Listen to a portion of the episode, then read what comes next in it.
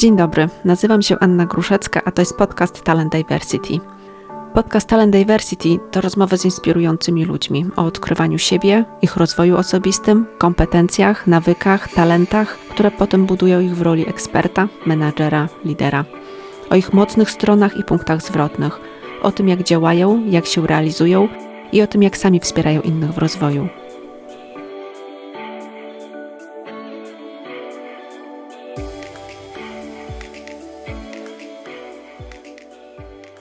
Dzień dobry. Dzisiaj moją i waszą gościnią jest Agnieszka Figielek. Architektka, która jako jedna z pierwszych w Polsce zdobyła certyfikat i zajęła się projektowaniem budynków w standardzie pasywnym. Autorka wielu artykułów w tym temacie, edukatorka i laureatka nagród za realizację tego typu inwestycji. Dzień dobry, Agnieszko. Dzień dobry, Aniu. Bardzo mi miło i dziękuję serdecznie za zaproszenie dzisiejsze.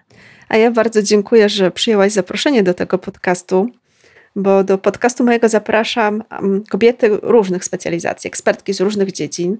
Takie kobiety, które być może z jednej strony nie boją się zmiany, albo nawet jeżeli się jej boją, to mimo wszystko ją przeprowadzają, bo też chcę tym samym pokazać, że można zmieniać siebie i można też zmieniać świat dookoła. Twoja historia zainteresowała mnie, bo jak wspominałam, byłaś u nas w kraju jedną z pierwszych architektów czy architektek, tak naprawdę, która zaczęła specjalizować się w budownictwie pasywnym. A jak wiemy, bycie pierwszą nie zawsze jest takie piękne i łatwe na samym początku, jak to niektórym się wydaje. Od lat wprowadzasz i promujesz ten standard i masz w tym spore doświadczenie, również kilka nagród za zrealizowane projekty. Skąd u ciebie wzięło się Twoje zainteresowanie tego typu projektami? Tak naprawdę to e, wszystko zaczęło się od pierwszego, można powiedzieć, roku po studiach. Miałam przyjemność uczestniczyć w konferencji w Innsbrucku. E, to była konferencja organizowana przez Passive House Institute e, z Darmstadt. I na tej konferencji E, no nie była to dla mnie zwykła konferencja, bo nie chodziło tylko o to, żeby siedzieć na sali szkoleniowej i słuchać o obiektach w standardzie pasywnym, ale ta konferencja miała jednodniową wycieczkę. Ta wycieczka była po obiektach w standardzie pasywnym.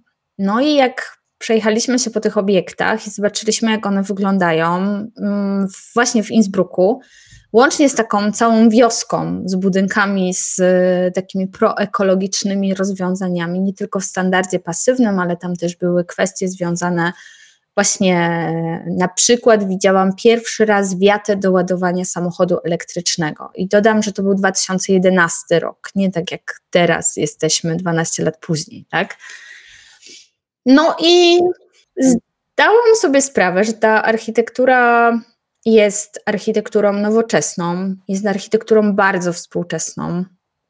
Jest e, niczym absolutnie nie odbiega od żadnych e, standardów, jeśli chodzi o estetykę, bo takie mity cały czas zresztą krążą nadal, że budynki pasywne to bunkry bez okien.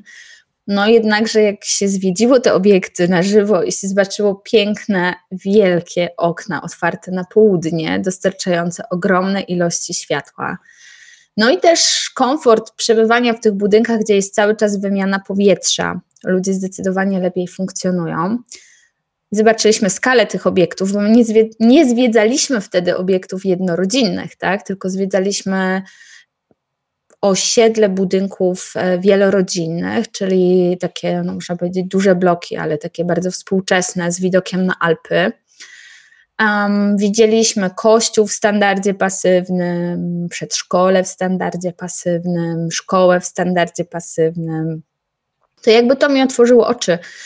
I wtedy właśnie na tej konferencji tak naprawdę podjęłam decyzję, że będę architektką, która będzie projektować właśnie takie obiekty. I na tym, na tej konferencji poznałam mojego pierwszego takiego poważnego, można powiedzieć, nauczyciela, do którego tak naprawdę na Uniwersytet w Karencji udałam się na dwutygodniowe warsztaty, y, takie summer school, ale dla pasywistów. I, no i tam mieliśmy jeszcze więcej wycieczek, bo tam z kolei zwiedzaliśmy obiekty w okolicy, tak naprawdę w całej Austrii. Dojechaliśmy do Wiednia. I w Wiedniu też tam nocowaliśmy i widzieliśmy też kilka obiektów akademiki, na przykład studenckie. A, także to był taki moment, że należało podjąć decyzję i poszukać dróg i miejsc, gdzie można się nauczyć w ten sposób projektować. W Polsce nie było zbytnio możliwości, zważając na to, że w Polsce jedyny kurs, jaki w tym czasie istniał, który zresztą też ukończyłam, bo później zdawałam właśnie egzamin, by być certyfikowaną europejską projektantką budownictwa pasywnego, to de facto w Polsce nie było szans, by zobaczyć w tej skali obiekty. W Polsce były jakieś zalążki, pierwsze kilka obiektów w tym czasie i to jeszcze nie w naszym rejonie Poznania, tylko bardziej Małopolska. No więc e, taki był start, podjęcie decyzji i no i później jak wróciłam z, z tej Austrii już jako wyedukowana architektka, to się okazało, że nagle się za, zaczęli znajdować klienci na takie budynki. Ja nie wiem, jak oni do mnie trafiali, ja się do dzisiaj nad tym zastanawiam. Tak e, śmiejąc się trochę pół żartem, pół serio. A co takiego w ogóle zafascynowało Cię w projektowaniu w standardzie pasywnym, że postanowiłaś pójść dokładnie tą drogą? Bo to, że mówisz, że te budynki wyglądają wcale nie jak bunkry, tak jak mhm. rozumiem, jak się wcześniej myślało, że to są tylko i wyłącznie bunkry, tylko że tam jest otwarcie też na świat, że duże są przeszklone okna. Czy jest jeszcze coś takiego, co sprawiło, że chciałaś pójść tą drogą i no tak naprawdę się wykwalifikować? Nie wiem, czy zmienić mhm. całkowicie kierunek, ale bardzo mocno wyspecjalizować w jakimś jednym kierunku. Tak, e, chciałam się bardzo mocno wyspecjalizować, dlatego że to jest jedyny sposób prawidłowego projektowania budynków. E, ponieważ wszystkie zasady obowiązujące w standardzie pasywnym, one są bardzo logiczne i poukładane, czyli korzystamy z, z dwóch strategii projektowych. Wokół tych dwóch strategii e, kręci się całe projektowanie budynków super energooszczędnych. Pierwsza strategia to jest taka, by unikać strat, czyli by nie wypuszczać energii z budynku, ją zatrzymać w środku. Czyli by nie mieć dziurawego wiadra, przez które ucieka nam woda, tylko by mieć porządne, dobre wiadro, które trzyma wodę. Tak samo chcemy mieć porządny budynek, który trzyma nam energię.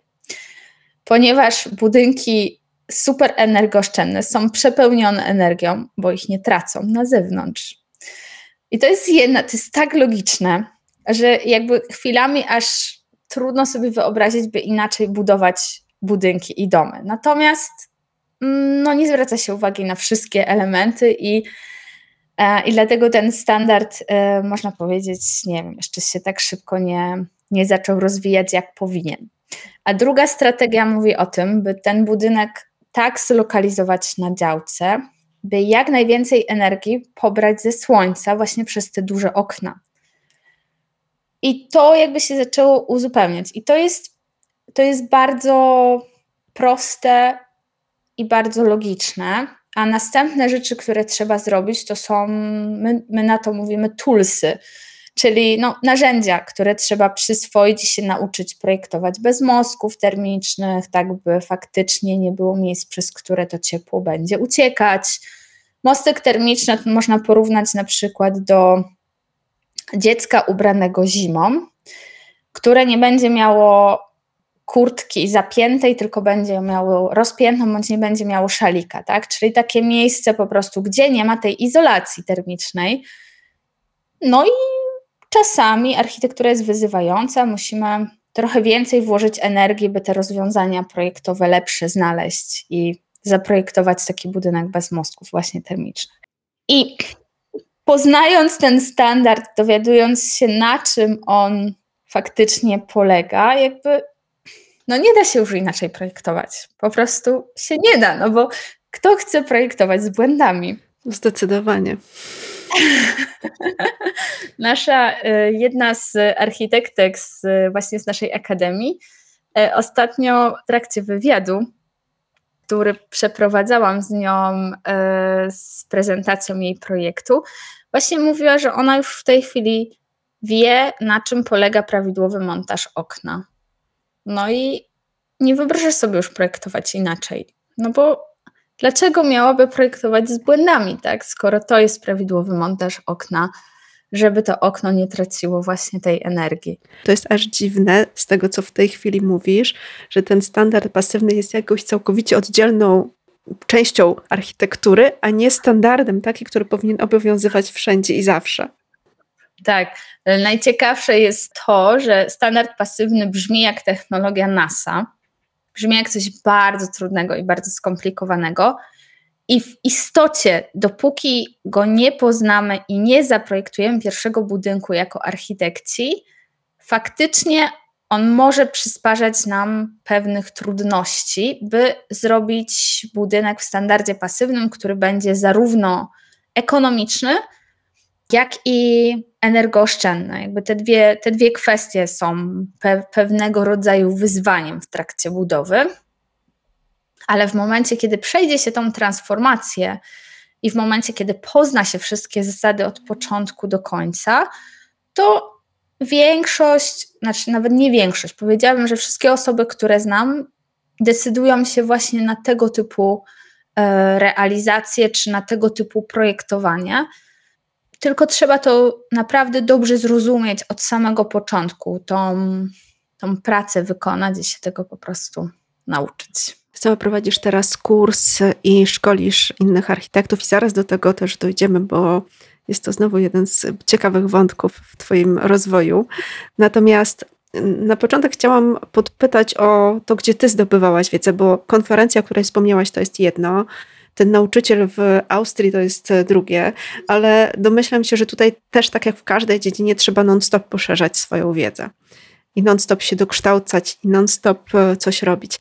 Pytanie, skąd ty czerpałaś wiedzę? No bo skoro w Polsce tego wtedy nie było za bardzo, to gdzie? Jak? Instytut Budynków Pasywnych w Darmstadt faktycznie organizuje konferencje raz do roku. Z tym, że dosyć szybko się zorientowaliśmy, że wyjazdy coroczne na te konferencje nie dają nam tak dużo nowości, produktów i faktycznie nowych, można powiedzieć, no na konferencjach nie zdobywa się nowych umiejętności. Można zobaczyć, jak koledzy zaprojektowali inne budynki i ewentualnie e, te rozwiązania sobie nowe skonsultować, ale to jest też pewna trudność, ponieważ okazuje się, że te przepisy, które obowiązują w Niemczech, a to jest zagłębie budownictwa pasywnego, ich nie można przenieść jeden do jeden do Polski, bo tam jest klimat łagodniejszy i my w Polsce musimy mieć te rozwiązania trochę bardziej dopracowane i z innych materiałów przy użyciu polskich produktów. No więc u mnie to wyglądało tak, że ja znając cały zarys i wszystkie zasady, na czym polega projektowanie budynków w standardzie pasywnym, tak naprawdę zaczęłam, można powiedzieć, praktykować. Czyli zaczęłam wdrażać te rozwiązania, które mam z literatury angielsko- i niemieckojęzycznej i zaczęłam je transformować do moich projektów, ale nie dało się tego nigdy zrobić jeden do jeden. W związku z czym konieczne były liczne wizyty na budowy i rozmowy z wykonawcami.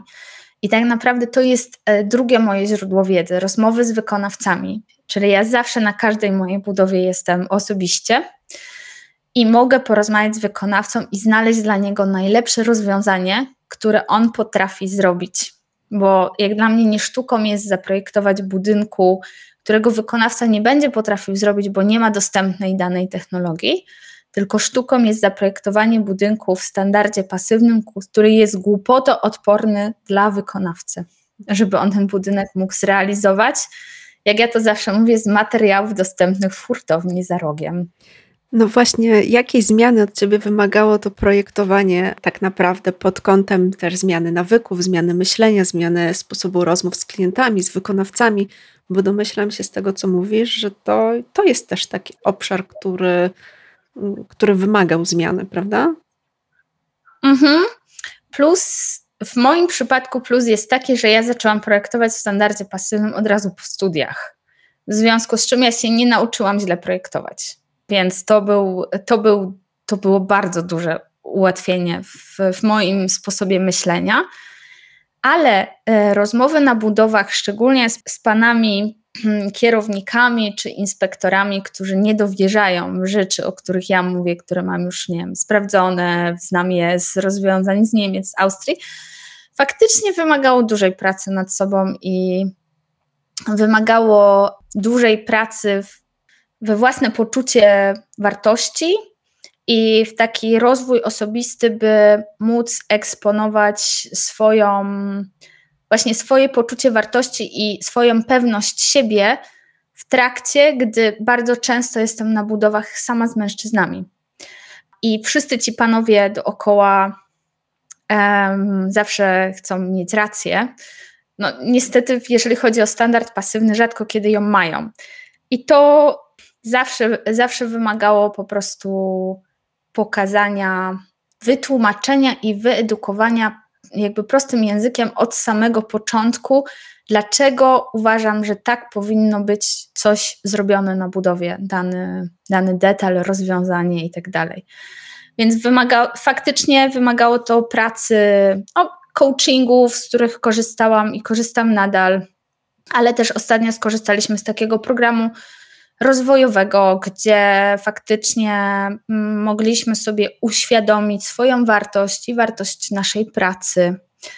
Bardzo też ważna, ważny aspekt. No i nam akurat bardzo mocno pomogło w tym roku, bo mm, nie ukrywajmy, te, te, dwa ostatnie lata pandemii i wybuchu wojny na Ukrainie, to jak e, budowlanka się obróciła o 180 stopni, były dla nas bardzo trudne. Więc e, dla nas e, program, w którym się zresztą Aniu spotkaliśmy, był taki, był taką ogromną zmianą wszystkiego u nas, w sensie takim nowym, nowym podejściem do, do pracy i do właśnie powrotem do edukacji. I to nam to dużo dało. To był właśnie rozwój w nas, w sensie to był rozwój nasz nie tylko biznesowy, ale też osobisty zdobycie, właśnie uświadomienie sobie naszej wartości, jaką my dajemy wartość naszym klientom i jacy my jesteśmy wartościowi dla samych siebie i jak sobie poukładać te obszary w życiu. I to spowodowało, że w tej chwili zrobiliśmy ogromny krok od początku roku, nie tylko biznesowo, ale też jeżeli chodzi o rozwój właśnie nasz, y, nasz osobisty.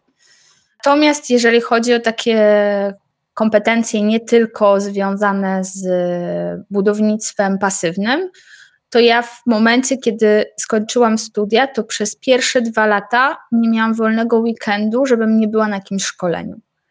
I to były głównie szkolenia y, dotyczące przedsiębiorczości, prowadzenia swojej firmy, wszelkich tego typu obszarów i, i rozwiązań. Praktycznie nie było momentu, gdybym gdzieś czegoś nie studiowałam. Po drodze też zrobiłam dodatkowo studia na Uniwersytecie Ekonomicznym, jakąś tam podyplomówkę, e, no bo nie można się za bardzo nudzić. Tak, czyli tutaj nie tylko takie kompetencje czysto związane z architekturą, ale również dużo związanych z prowadzeniem biznesu, jak, jak rozumiem, e, z rozmów, takiej komunikacji, tak, to, co, to, co jest potrzebne, tak. żeby prowadzić biznes de facto. Ale tak. chciałam tutaj wrócić do ciekawego wątku, bo ty prowadzisz firmę z mężem, dlatego mówisz, że my, gdzieś tam wasz biznes się rozwija. Natomiast bardzo często, jak wspomniałaś, jesteś na tych budowach sama e, i rozmawiasz z mężczyznami sama. I to, to, co dla mnie jest bardzo ciekawe, to ten wątek bycia kobietą w tym biznesie. E, mhm. Bo no, jak zrozumiałam z tego, co powiedziałaś, to było coś bardzo trudnego również do przezwyciężenia. Co ci pomogło wtedy? Miałam kilka e, takich indywidualnych właśnie rozmów, e, kilka sesji coachingowych i mm, musiałam sobie uświadomić tak naprawdę relacje, w sensie nie chciałam być osobą Teraz mówię o takim ekstremalnym przypadku na jednej budowie, gdzie niestety kierownik budowy taki w takich wielkich buciorach, można sobie wyobrazić, ja jestem niska, mam 1,60 m.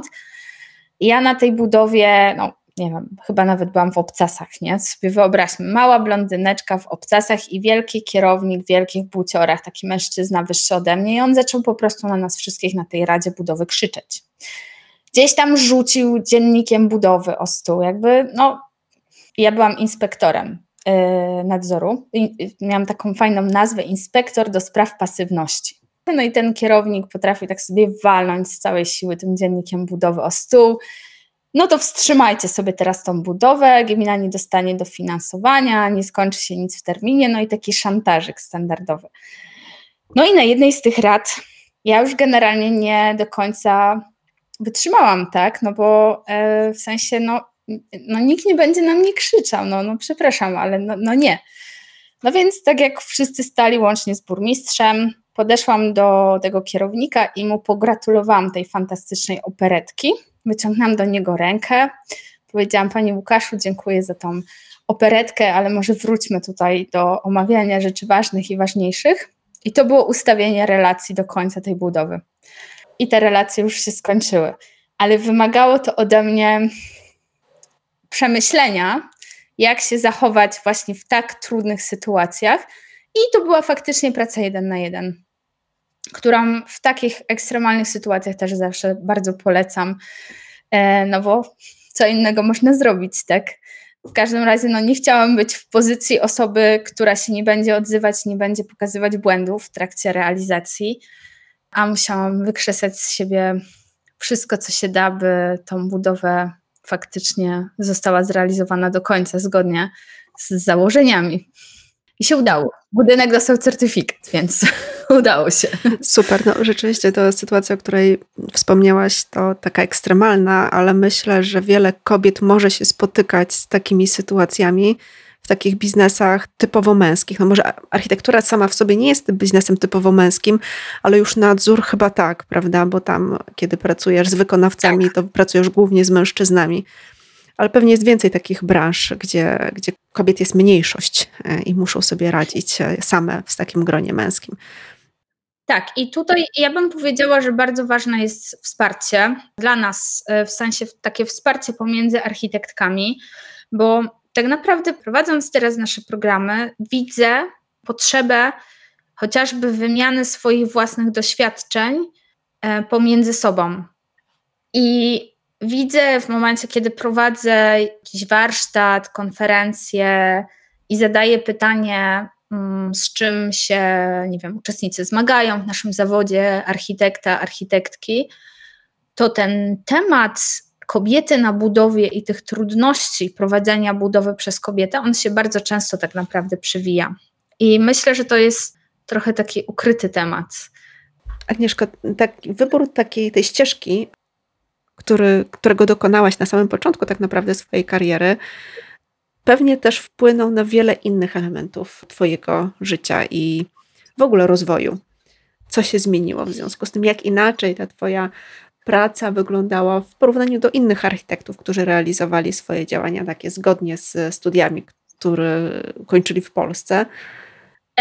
Ja myślę, że to, że od samego początku poznałam sposób projektowania budynków w standardzie pasywnym, otworzył przede mną tak naprawdę kilka ścieżek. Bo po pierwsze, mogłam od początku projektować budynki super energooszczędne, zeroenergetyczne, które jeszcze do niedawna miały być wymagane od 2050 roku przez Unię Europejską. Natomiast w tym roku się zmieniła dyrektywa w lutym, i te budynki już będą wymagane jako budynki niemal e, zeroenergetyczne, nawet nie niemal zeroenergetyczne, tylko w tej chwili już ta definicja mówi o budynkach zeroemisyjnych od 2028 roku, czyli to nam daje raptem no, 4 lata na przystosowanie się do projektowania zgodnie z tymi standardami. A my w tych standardach projektujemy od 2010 roku wszystkie budynki, tak jak podjęliśmy decyzję, w związku z czym jesteśmy już kompetencyjnie przygotowani. Ja jestem też kompetencyjnie przygotowana razem z całym moim zespołem do tego, by e, takie budynki projektować. Ale dodatkowo ta decyzja spowodowała, że tak naprawdę otwarła mi się, mm, otwarła mi się droga do po pierwsze wyróżnienia się bardzo mocno na rynku, bo w tej chwili mamy y, bardzo dużo realizacji. Mamy około 50 realizacji w standardzie pasywnym. To jest najwięcej realizacji w Polsce. Jeśli chodzi o ten standard budowy, mamy najwięcej projektów w takiej Wikipedii dla pasywistów, Mamy jako jedyna pracownia prezentowaliśmy już trzy razy nasze projekty na międzynarodowych konferencjach organizowanych przez Instytut Budynków Pasywnych w Darmstadt. Więc to e, pozwala nam zbudować e, pozycję też na rynku. No i no, można powiedzieć, ja, ja, trochę zawsze się boję, bo e, nie lubię się tak e, chwalić i w ogóle tymi naszymi osiągnięciami. Ale to jest miejsce do tego, żeby się pochwalić, więc zapraszam. tak. Także e, tak się chwaląc, no to patrząc na ilość naszych realizacji, jesteśmy w Polsce liderem. Nasza pracownia, jeżeli chodzi o projektowanie budynku w standardzie pasywnym, zresztą nazywamy się w końcu pasywny M kwadrat, więc, więc tym bardziej. E, ale mówiąc o ścieżce kariery i naszej ścieżce, mojej ścieżce rozwojowej, no to otworzyła mi się również taka furtka do nauczania. I ja tą, tą furtkę miałam otwartą od razu w momencie, kiedy zaprojektowałam pierwsze budynki. To były gdzieś lata 2013-2015. To był czas, gdzie ja przeszkoliłam no sporo, bo ja to kiedyś liczyłam, jakieś 300 architektów przeszło przez moje szkolenia w tamtym okresie. Czyli to już był taki moment, gdzie uczyłam innych y, projektowania budynków w standardzie pasywnym. Natomiast w tym okresie nie mieliśmy jeszcze własnej metodologii nauczania. A teraz po naszej przerwie kilkuletniej znowu do tego wróciliśmy. I okazuje się, że jeżeli chodzi o mój rozwój taki osobisty i w ogóle czerpanie radości z życia, to ścieżka, w której uczę innych, dostarcza mi ogromną ilość fanu. Okazuje się, że to, że ja nie uczyłam przez te kilka lat, od gdzieś mniej więcej 2015, teraz do 2023, i skupiliśmy się na tym, by tą naszą, nasze know-how, nasze doświadczenie trzymać szczelnie zamknięte w pracowni, się nikim z nim nie dzielić, bo to jest nasz wyróżnik, było bardzo błędną decyzją i takim e, bardzo scary man, mindset, prawda? I w tej chwili, w momencie, kiedy to zmieniliśmy, to każdy obszar naszego życia się zmienił. Jesteśmy bardziej doceniani przez inwestorów. Fantastyczni ludzie do nas trafiają w tej chwili. Mamy fantastycznych architektów na pokładzie naszej akademii i cały czas się rozwijamy, przez to, że uczymy, sami też się chcemy edukować. Ja w tym roku właśnie uczestniczyłam też w jeszcze bardziej zaawansowanych szkoleniach dla architektów budownictwa pasywnego, gdzie przez te wszystkie lata nigdy na to nie miałam czasu, tak? A teraz nagle okazuje się, że mam czas i na programy rozwojowe dla mnie, i też na programy e, rozwijające po prostu moje toolsy, moje naukę oprogramowania. I cały czas szukam czegoś nowego. Także fajnie jest znaleźć też sobie takie obszary, w których się dobrze czuję i cieszę się, że je znalazłam i cieszę się bardzo, że do tego, do tego wróciłam, bo to mi daje takiego powera. Okej, okay, czyli to, co teraz robisz, tak naprawdę to dużą edukację na rynku w kontekście budownictwa pasywnego, to nie jest coś całkowicie nowego dla ciebie, jak rozumiem, tylko coś, co wróciło po latach. Dokładnie tak. Wcześniej to były programy POKL, i to były duże programy z trzema dużymi instytucjami, my je organizowaliśmy, gdzie instytucje były odpowiedzialne za napisanie wniosków o dofinansowanie, a my tak de facto byliśmy, my w sensie myślę o sobie i o Bartoszu, moim wspólniku i moim mężu, e, byliśmy odpowiedzialni za merytorykę i za zebranie ludzi. E, w związku z czym to były te kompetencje, które w tamtych czasach już w sobie zbudowaliśmy, tak w taki praktyczny bardzo sposób, bo żadne z nas nie miało w zakresie organizacji szkoleń żadnej edukacji takiej zewnętrznej. A teraz mogliśmy tak naprawdę, przystępując do tego, by podzielić się naszą wiedzą w formie online'u, to tak naprawdę mogliśmy połączyć wszystkie nasze kropki z wszystkich obszarów w jedną część, by naprawdę robić duże wydarzenia, które są bardzo atrakcyjne dla naszych uczestników. Powiesz coś więcej o tych kropkach, bo mm, to jest znowu bardzo ciekawy element, o który zawsze pytam w trakcie moich podcastów. Mm, no jak myślę, że to łączenie kropek z różnych obszarów swojego życia i robienie z tego czegoś nowego jest bardzo, bardzo inspirujące. Więc powiedz coś o tych kropkach. Jakie kropki połączyliście i gdzie jesteście teraz z prowadzeniem edukacji mhm. dla innych? Pierwsza, pierwsza kropka, taka najważniejsza, która jest bazą wszystkiego, to jest nasza wiedza i nasze doświadczenie w projektowaniu budynków zeroenergetycznych. I teraz moglibyśmy tylko to robić, ale projektując 10 obiektów rocznie, nie zmienimy tego świata. Dlatego zdecydowaliśmy, że żeby zmienić jakość budownictwa, żeby powstawało więcej zdrowych budynków, musimy się podzielić naszą wiedzą i tym doświadczeniem. No i teraz kolejną kropką była umiejętność organizacji dużych eventów. Ja jestem organizatorką od urodzenia. Typu byłam przewodniczącą klasy, jak trzeba było cokolwiek zorganizować, wycieczki, wyjazdy, cokolwiek, to zawsze to byłam ja. W związku z czym też ta umiejętność organizacji szkoleń na początku naszej tak naprawdę ścieżki edukacyjnej, bo gdzieś tam ten 2013 rok, 10 lat temu, to była ta druga kropka, która e, do tej układanki teraz tym bardziej zaczęła nam po prostu pasować. Kolejna kwestia, mamy bardzo, bardzo fajną organizację, która się nazywa Stowarzyszenie Wielkopolski Dom Pasywny. To jest organizacja, która skupia firmy dostarczające komponenty do budynków zeroenergetycznych, do budynków w standardzie pasywnym. I to jest kolejna kropka, bo to są od razu gotowe produkty, które są przez nas wypróbowane w większości przypadków. To są też kontakty biznesowe, które również jak najbardziej pasują do dużych eventów, by robić tego typu wydarzenia na dużą skalę. I teraz w momencie, kiedy te wszystkie trzy rzeczy włożyliśmy w online, gdzie mamy właśnie możliwość dużej skali, ale gdzie nie mamy ograniczeń co do właśnie sali szkoleniowej, gdzie możemy wykorzystać potencjał każdego z naszych partnerów do tego, by dane wydarzenie rozprzestrzenić i by ono miało większy zasięg, nagle okazuje się, że małymi elementami, zapraszając wszystkie te osoby do organizacji, bo tak naprawdę wszystkim nam zależy na tym, żeby powstawały lepsze budynki i by było jak najwięcej budynków zeroenergetycznych, okazuje się, że e, możemy działać faktycznie dużą skalą. I to jest coś, co nam się udało w tym roku. Pierwszym kursem czterotygodniowym dla architektów, na który no, po tygodniowej promocji zapisało się ponad tysiąc architektów. I dodam, że 400 architektów ten kurs ukończyło, w sensie wow. Y, wy, wypełniło dla nas e, wszystkie, no można powiedzieć, testy, formularze z każdego tygodnia. E, I przez to dostali ci architekci e, certyfikat, także sami byliśmy w szoku, bo musieliśmy 400 certyfikatów wystawić. A teraz e, ostatni event, jaki organizowaliśmy, to była konferencja, nazywała się Zero a Cieszy, bo zero rachunków cieszy każdego.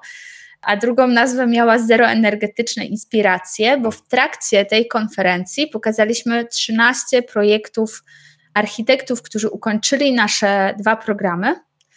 I tych 13 architektów w tej chwili już nie wyobraża sobie projektować innych budynków niż budynki zeroenergetyczne. I to są architekci z całego kraju. I w ten sposób spełniamy naszą misję, bo już nie tylko my będziemy projektować budynki zeroenergetyczne, ale my plus architekci, którzy ukończyli nasze programy i przeszli tą właśnie transformację.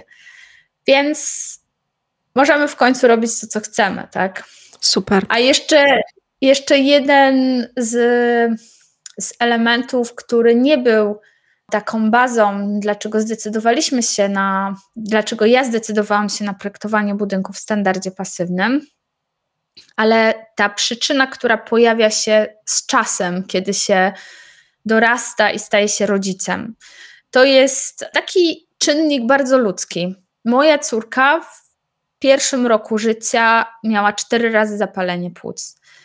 I to jest spowodowane między innymi jakością powietrza. Czyli za każdym razem, jak w, nawet w tej chwili Wiktoria ma 6 lat, no prawie, prawie 5 lat ma, Oliwka ma ponad 6, ale Wiktoria do dzisiaj ma problemy z oddychaniem i jedzie na wieś do moich rodziców, gdzie jest powietrze zdecydowanie gorsze, szczególnie w okresie, kiedy się pali wszystkim w piecu. Moje dziecko zawsze po wizycie u dziadków wraca chore. Obojętnie, czy jedzie super zdrowe, czy tylko z lekkim przeziębieniem, ona wraca po prostu chora ze względu między innymi na jakość powietrza, ze względu na zimną podłogę, bo e, moi rodzice nie mieszkają w budynku super energooszczędnym, więc tam mamy standardowe kwestie typu, żeby było świeże powietrze, należy otworzyć okno i zrobić przeciąg. Żeby było ciepło w domu, to należy napalić w piecu tak, żeby grzejniki całe były rozbuchane, gorące, tak? a podłoga jest zimna. I to są te elementy, które tym bardziej mi pokazują, że w tej chwili dla mnie wartością jest zdrowie moich dzieci. I w tym momencie nie wyobrażam sobie, żeby moje dzieci mieszkały w innym budynku niż w budynku super komfortowym dla nich, tak? I zdrowym. Więc to jest z kolei taki argument za, za tym, że to jest jak najbardziej prawidłowy kierunek, który się pojawia dopiero jak się staje rodzicem. Czy możesz w takim razie powiedzieć, że ta decyzja, żeby od początku projektować w standardzie pasywnym, to była najlepsza decyzja zawodowa, jaką podjęłaś? Tak, mogę tak powiedzieć w stu procentach. Nie wyobrażam sobie, żeby projektować w inny sposób. I to jest tak naprawdę projektowanie budynków, można byłoby powiedzieć przyszłości, ale to jest tak naprawdę już teraz nasza teraźniejszość. I ja sobie osobiście no, nie wyobrażam, żeby projektować w taki standardowy sposób. W sensie nawet, nie wiem, ja bym powiedziała błędny sposób w tej chwili, naprawdę. Znając te wszystkie rozwiązania, to, to nie wyobrażam sobie projektować inaczej. To była zdecydowanie najlepsza decyzja. Cieszę się, że gdzieś się o ten standard potknęłam po drodze, żeby się dowiedzieć do końca, co to jest, bo jakbym się o niego nie potknęła, bo na studiach raczej e, mało można było się tego dowiedzieć, zresztą tak jest do dzisiaj, to mnie by tutaj nie było, gdzie jestem. Tak, to jest ten element takiego chwytania możliwości, zauważania możliwości, które gdzieś tam koło nas przychodzą i chwytania i rozwijania się w tym obszarze. To jest super. E, ten podcast jest o kompetencjach, a więc mam też takie pytanie odnośnie w ogóle kompetencji i w ogóle o możliwości tak też takiego przekwalifikowania się, bo jak ja sobie wyobrażam architekturę jako specjalizację i jako zawód, to w moich oczach wymaga to takiego bardzo mocnego ukierunkowania od samego początku, od początku studiów. I mam takie wyobrażenie, że pewnie bardzo trudno jest się przekwalifikować, żeby być architektem z jakiegoś innego zawodu. I mhm. pytanie jest moje takie, czy ty znasz takie osoby? Czy to jest możliwe w ogóle z, twojego, z, twojej, z twojej wiedzy? Mm, znam jedną osobę, którą poznałam de facto w tamtym tygodniu. Jedna z y, uczestniczek konferencji, z którą akurat miałam rozmowę i planowała y, też dołączenie do akademii, opowiadała o tym, że faktycznie skończyła studia y, ekonomiczne, ale ta ekonomia nie była jej po drodze i w tej chwili jest w trakcie studiów architektonicznych. Ale de facto mogłabym powiedzieć, że to jest e, jedyna, jedyny przypadek, który znam, że, że tak powiem, i gdzie, gdzie miałam możliwość poznać osobę, czy też słyszałam o takim przypadku. Natomiast jeżeli chodzi o bycie architektem, bycie architektką, to wydaje mi się, że jest to tak samo trudna kwestia e, z przebranżowieniem się, jakby nagle chcieć stać się lekarzem. Że to nie jest, jakby wiedza na studiach to jest taka baza, bardzo wyimaginowana, tak bym powiedziała, bo te projekty są bardzo wyimaginowane. Na studiach one nie mają nic wspólnego z prawem, z rzeczywistością, z życiem, niestety. A później zaczyna się praca po studiach, i tak naprawdę po studiach dopiero zaczynamy uczyć się zawodu i tego, jakie mamy ograniczenia. Dopiero po studiach zaczynamy uczyć się tego, co to w ogóle jest prawo budowlane, jakie należy przepisy spełnić, czy uczymy się takiej samodzielności, które elementy z kim należy rozwiązywać, te trudniejsze.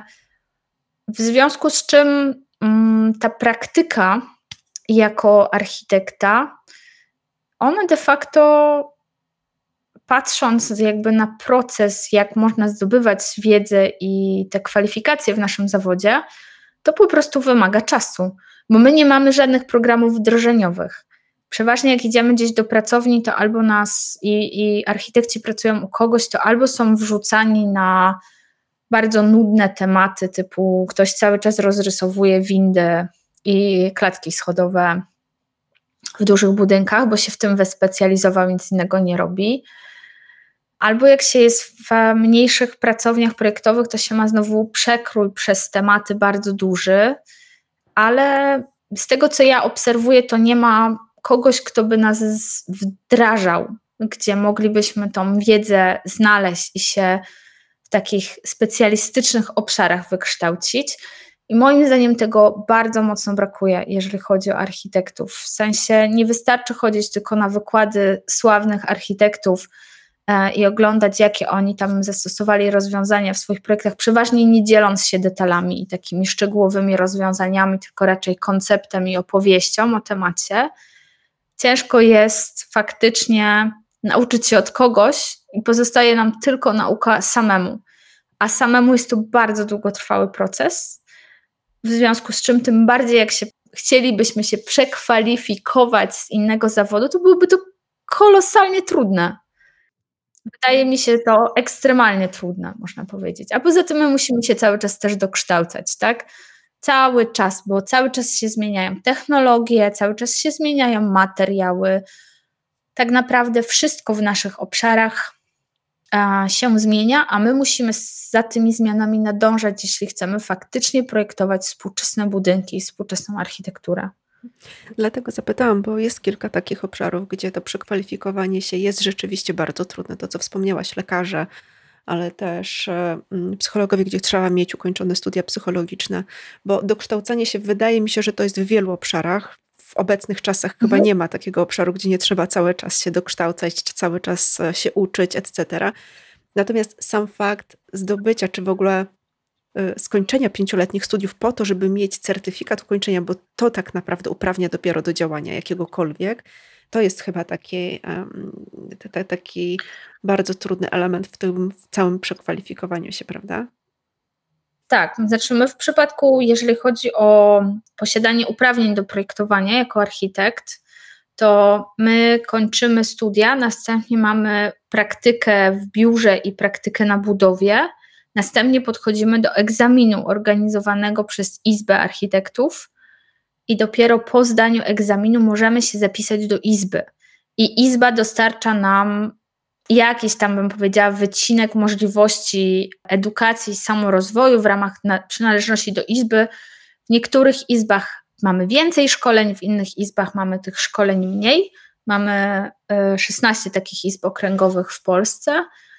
Natomiast, żeby dojść do tego momentu, w którym jesteśmy w izbie, no to jest kilka lat i żeby zdać w ogóle egzamin, by się do izby zapisać, trzeba już wykazywać się wiedzą, i doświadczeniem, bo to jest normalnie egzamin pisemny, państwowy i egzamin ustny, tak? W związku z czym nie wszyscy tak, taki egzamin też za pierwszym razem zdają po prostu.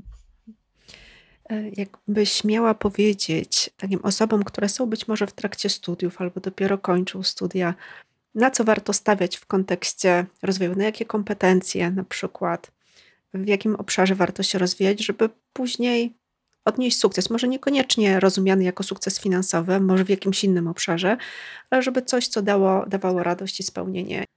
Mm, myślę, że należy inwestować w swój własny rozwój i trzeba próbować zawsze dogadywać się z ludźmi i jakby nie zawsze, nie zawsze to umiemy robić z założenia. W sensie ja jestem introwertykiem, dla mnie ten obszar jest bardzo trudny tak naprawdę, kiedyś był jeszcze trudniejszy. A jeżeli chodzi o Y, o kompetencje, no to mo, moim zdaniem należy płynąć cały czas z tym nurtem, tak? Czyli należy wiedzieć, y, jakie mamy nowe trendy w architekturze. I to już nie mówię o takich stricte trendach wizualnych, tylko właśnie mówię o kwestiach związanych z efektywnością energetyczną, no bo świat cały będzie zmierzał w stronę efektywności energetycznej, właśnie budynków super energooszczędnych, budynków pasywnych w związku z czym na pewno jest to obszar, w którym warto, e, warto się nim interesować e, już na studiach i po studiach też tą wiedzę zdobywać. I trzeba też wiedzieć, jakby do czego, w mojej perspektywie, do czego chce się dochodzić, w sensie jak ta ścieżka kariery ma wyglądać. Czy chce się pracować przy dużych projektach, w dużych pracowniach i przy wszystkich konsekwencjach, które są z tym związane, czy z kolei są to preferencje bardziej do mm, pójścia w stronę własnej pracowni, własnej działalności i obsługi, posiadania swoich klientów, i to są też całkowicie inne kompetencje potrzebne do tego, by się odnaleźć w takiej e, właśnie ścieżce. Myślę, że ta decyzja powinna wynikać też z naszych preferencji takich życiowych, co nam sprawia większą frajdę. W sensie, jak siebie widzimy, tak? Ja na przykład siebie nie widzę w korporacji. Być może e, widzę siebie jako osobę, która buduje większą firmę, większą organizację, natomiast nie widzę siebie jako, e, jako osoby pracującej. I dlatego od początku tak naprawdę podjęłam decyzję, że zakładam swoją działalność. Ja działalność założyłam w tym samym roku, co studia skończyłam. Więc to było od razu, tak, praktycznie. No i nie podjęłabym też innej decyzji. Agnieszka, a gdybyś miała powiedzieć, jakie twoje cechy czy kompetencje, dzięki którym jesteś teraz w tym miejscu, w którym jesteś? Um, powiedziałabym, że jestem uparta i to y, mocno, w sensie jak sobie coś postanowię, to to realizuję do końca. Zawsze realizuję wszystkie projekty do końca, w sensie mogłoby się walić i palić, to do ostatniej minuty będę pracować nad moim zleceniem i moim projektem. Myślę, że te dwie, te dwie kwestie były bardzo ważne. Staram się nie, znaczy w sumie to nigdy się nie poddaję. E, jak już coś mi nie wyjdzie, to po prostu szukam innej drogi, żeby mi wyszło, innego sposobu, e, żeby dany, dany projekt faktycznie zrealizować. I tak naprawdę zawsze miałam otwarty umysł na nowe rozwiązanie. Nie, nie jestem taką osobą, która łapie każde nowe rozwiązanie. Ja, ja te rozwiązania muszę sprawdzić, przetestować, dotknąć. I wtedy, e, jak już to sprawdzę i widzę, że to działa, to, to wtedy faktycznie e, uczę się tych, e, tych nowych rozwiązań i, i je wdrażam. Agnieszko, bardzo Ci dziękuję za naszą dzisiejszą rozmowę. Było mi bardzo miło gościć Cię w moim podcaście. Życzę dalszego rozwoju, zarówno na tej ścieżce edukacyjnej, jak i jako architektka realizująca konkretne rozwiązania. No i mam nadzieję do zobaczenia. Ja również bardzo dziękuję i do zobaczenia.